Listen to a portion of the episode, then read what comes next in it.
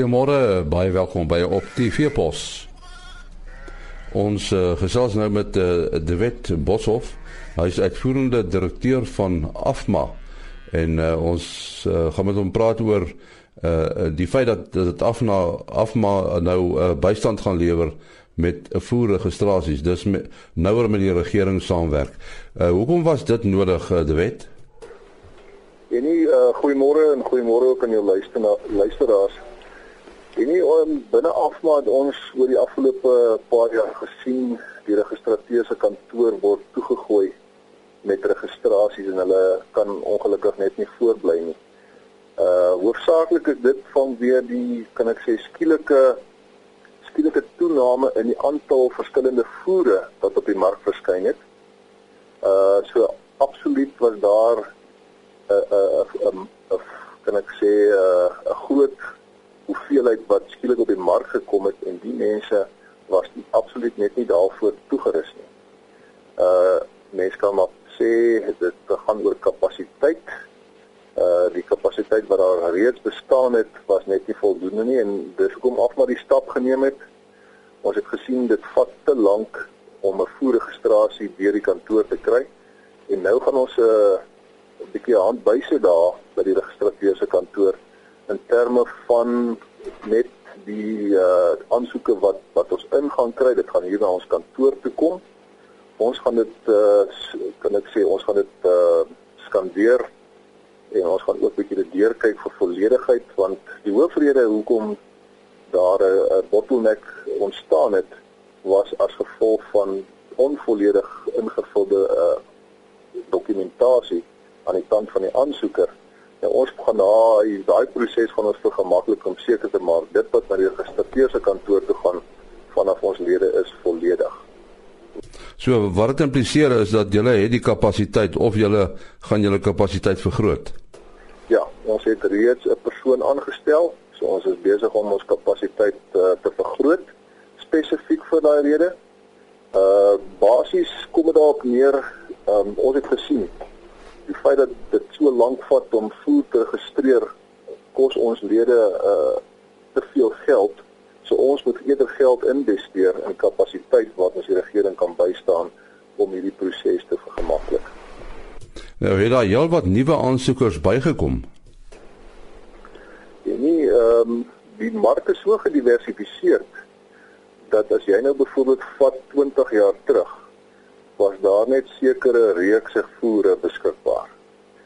Uh die die mark en die tegnologie so verbeter in in die tyd tot en met nou dat daar baie meer gediversifiseerd is en ook in voere die verskillende reekse vir die verskillende spesies dat die aantal voere so vermeerder het dat dit ongelukkig net tot 'n bottleneck gelei het.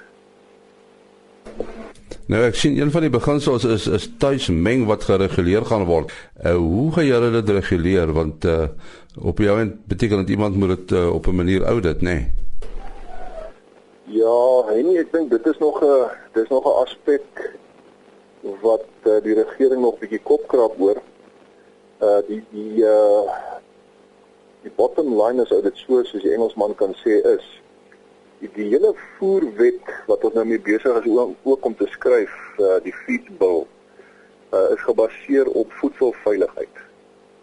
Nou daar is geen kontrole op die oomblik vanaf staatskant op uh, tuismengers op hulle plase of by voerkrale uh, en so meer nie.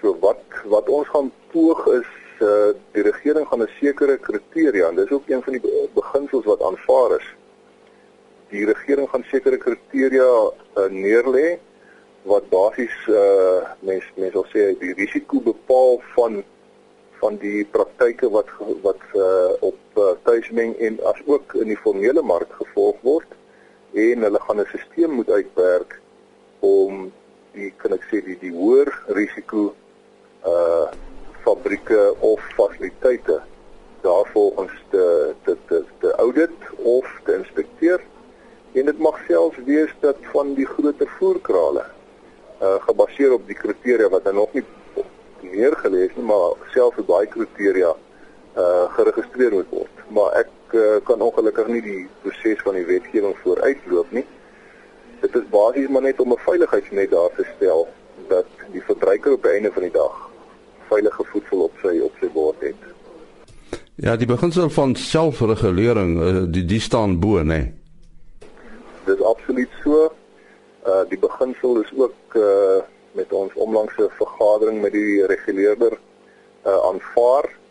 Uh ek dink die die registreer van veevoere het ook gesien dat kapasiteit is hier in hierdie situasie ook 'n probleem.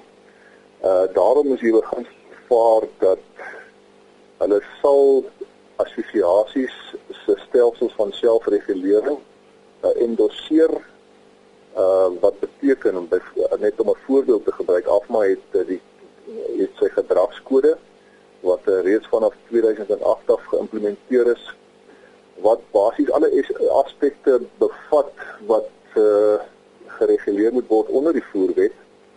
Nou ons gebruik 'n eksterne ouditeermaatskappy wat uh, wat sertifiseer die fabrieke is deur die audit en hulle voldoen en die registreer het aangedui dat heel moontlik gaan gaan hulle hierdie praktyke of kan ek sê selfreguleringsmaatreëls wat assosiasies in plek het dat hy swaarder op op op daai uh, kan ek amper sê uh, medewerking vanaf die assosiasies gaan hy swaarder op hulle leen om 'n hand by te sit.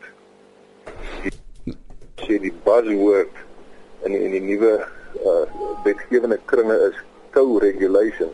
So duidelik sien hulle dat daar kan ek sê 'n gesamentlike poging moet moet plaasvind vanaf privaat sektor sowel as die publieke sektor of die staatssektor om die hele omgewing waarbinne veevoer uh, opereer te reguleer. Nou jy gebruik die woord veevoer. Uh dit raak nie alle dierevoer nie. Ek ek dink nou byvoorbeeld aan aan hondekos. Hondekos uh ongelukkig kan ek myself nie uitspreek uh, rondom die die die troeteldierbedryf nie. Uh hulle val ook onder wet 36 en ek het uh, ek in die beginsel van uh, dat daar 'n kriteria neergelê sal word uh, waar volgens die risiko bepaal word hulle sal ook onder daai kriteria gehanteer word.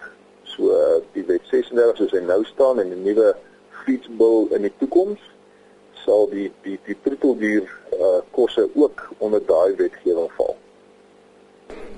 Nou goed, wat is die volgende stap? Wanneer tree al hierdie dinge in werking? En nie ons het reeds as mens nou net vanaf vanaf 'n punt begin uh ons uh, fasiliterings 'n toonbank hier by Afma. Die persoon is reeds aangestel vanaf 1 Maart. Uh ons het is nou besig met 'n opleiding en 'n induksieprogram in in huis by ons kantoor sowel as in samewerking met Wet 36 net dat ons uh persoon wat ons aangestel het net heeltemal op hoogte is van al die prosedures en ons oog om vanaf 1 Julie vanaf ons lede die aansoeke te ontvang en die proses aan die gang te sit. In terme van die fees bill, dis nou die hele skrywing van die van die wet. Ons het al deur die eerste ronde gegaan wat deur die parlement was teruggestuur is na die reguleerder toe en ons het in uh, Februarie weer vergaderings gehad om baie konsultasie te fasiliteer. Nou ek dink daai proses is nou aan die gang. Daar's uh, sekere beginsels aanvaar uh, en die registreer gaan nou uh, 'n nuwe konsepdokument opstel wat daai beginsels uh, insluit en dan gaan ons vorentoe gaan met alle rolspelers om hulle opinies ook op die tafel te sit. Nou ek verwag dat uh, die die wetgewingsskrywing uh kan ek sê tydperk ten minste nog 'n goeie 2-3 jaar sal vat voordat ons die die nuwe feesbal sal finaliseer. En oor die algemeen, wat was die reaksie van die bedryf? Uh in terme van die feesbal? Ja, van die hele aksie, die samewerking ensovoorts en dat julle nou betrokke raak by die regulering in 'n sekere sin. Ja, nee, uh, dit uh, binne die afmakkeringe is dit is dit baie verwelkom. Dit is uh dit is 'n 'n deel van afmasse strategie wat ons reeds geruime tyd mee besig is en ek dink dit is ook die eerste kan ek net sê die eerste sigbare stap wat ons geneem het om 'n persoon aan te stel om die regering by te staan. Uh ons kan nie uitsluit dat daar verdere stappe sal wees of verder kapasiteit aan die private sektor kant nie. Ehm uh, op die einde van die dag gaan dit oor die die voerbedryf. En ons as bedryf moet ook die verantwoordelikheid dan vat om seker te maak dat ons voerbedryf korrek gereguleer word. As daar vra is uh, met wie moet uh, mense verbinding tree? De wet En nie as daar enige navraag is, is is persone welkom om kantoor te skakel uh by die nommer 012663 9097 en hulle kan gerus met myself gesels. Net weer daai nommer? Uh 012663 9097.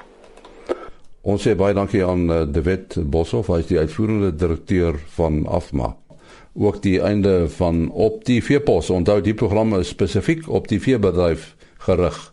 Tot môreoggend, mooi dag.